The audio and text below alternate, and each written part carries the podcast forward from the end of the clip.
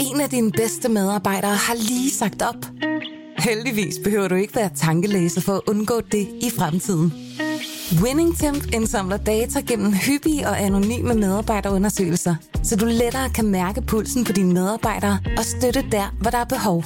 Kunder som Alfa Laval, Orkla og Volvo bruger allerede WinningTemp og ser, at det øger trivsel, reducerer turnover og hjælper med at fastholde talenter. Få gratis gennemgang allerede i dag på winningtemp.com. Velkommen til Morgenposten. Berlingskes nyhedsoverblik. Kalenderen den siger søndag den 10. oktober 2021.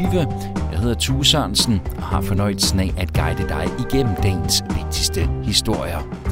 Det skal blandt andet handle om hele to hovedpiner, som Socialdemokratiet slås med. Regeringen får nemlig svært ved både at indfri et valgløfte til fødende og at nå en målsætning om at sætte flere penge af til militære udgifter.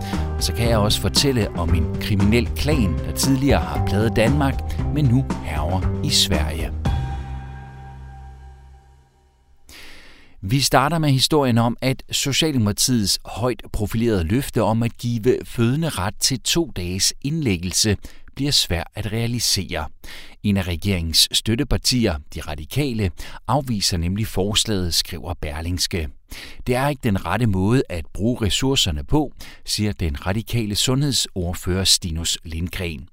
Samtidig er der heller ikke opbakning til forslaget fra faglig side. Og så er Socialdemokratiet åbenbart også selv kommet i tvivl om, om det er det rigtige at gøre. I foråret stemte partiet imod et beslutningsforslag om garantien, som SF stillede, og siden har sundhedsminister Magnus Heunicke ikke ville melde klart ud om partiets holdning. Og du kan læse mere om den historie på berlingske.dk eller i dagens avis. Vi går videre med en god nyhed til dig, der synes, at det kan være lidt besværligt at gennemskue og sammenligne tilbud på boliglån fra bankerne og realkreditselskaberne.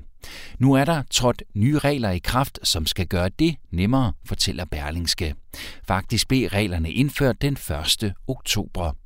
De betyder, at der med alle tilbud på boliglån, og det er uanset om det er et lån til køb af en bolig eller en omlægning af ens eksisterende lån, skal følge et såkaldt simpelt låneoverblik med. I det er de vigtigste oplysninger om lånetilbuddet kogt ned til fem nøgletal. Det betyder, at når man får flere tilbud, så har man bestemte målpunkter, man kan sammenligne, siger Kim Valentin, der er administrerende direktør i Finanshuset Fredensborg, som laver økonomisk rådgivning. Og vil du blive klogere på de nye regler, så er der meget mere om det på berlingske.dk.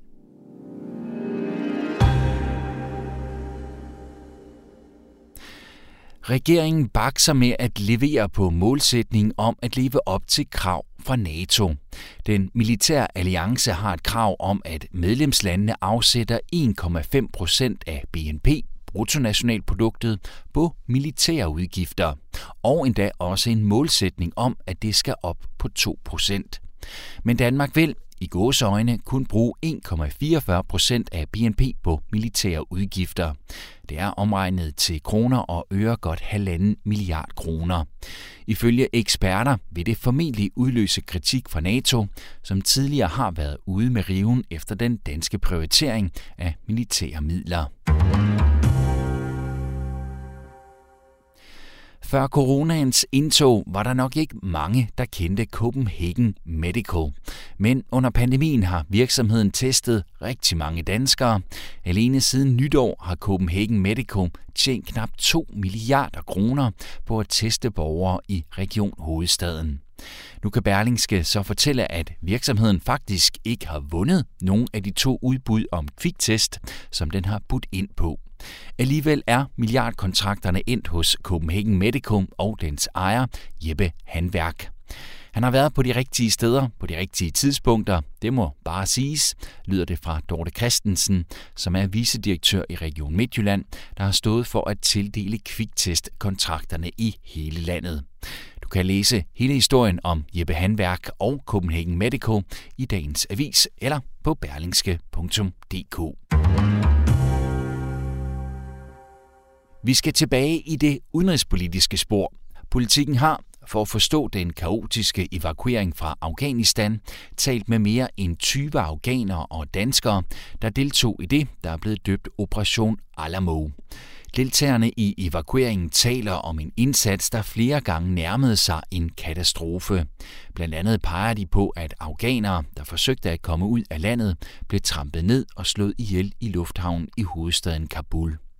Selvom der står en mand 10 meter væk og vifter med et dansk pas, var det ikke nemt for os at få ham ind. Der er mange spædbørn, og nogle af dem dør, fordi de ikke kan tåle strabasserne, fortæller blandt andet oberstløjtnant og operationel leder for Jægerkorpset, Jens Peter Blomqvist, til politikken. I alt så blev 954 mennesker evakueret fra Afghanistan til Danmark.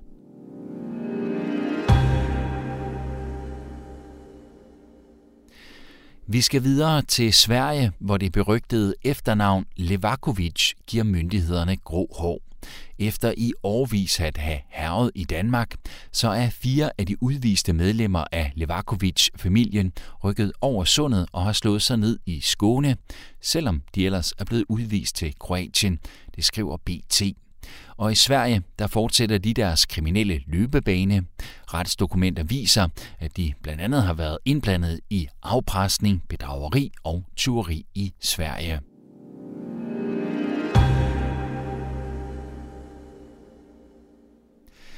Vi slutter i Østrig, hvor de natten over har skiftet ud på kanslerposten. Lørdag aften valgte Sebastian Kurz at trække sig som kansler på grund af korruptionsanklager. Ny mand på den øverste politiske post i landet er Alexander Schallenberg, som hidtil har været Østrigs udenrigsminister.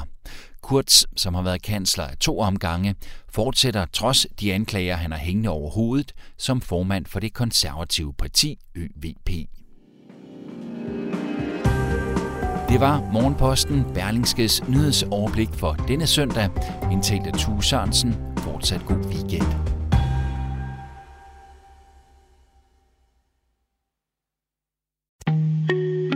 Af dine bedste medarbejdere har lige sagt op. Heldigvis behøver du ikke være tankelæser for at undgå det i fremtiden. WinningTemp indsamler data gennem hyppige og anonyme medarbejderundersøgelser, så du lettere kan mærke pulsen på dine medarbejdere og støtte der, hvor der er behov. Kunder som Alfa Laval, Orkla og Volvo bruger allerede WinningTemp og ser, at det øger trivsel, reducerer turnover og hjælper med at fastholde talenter.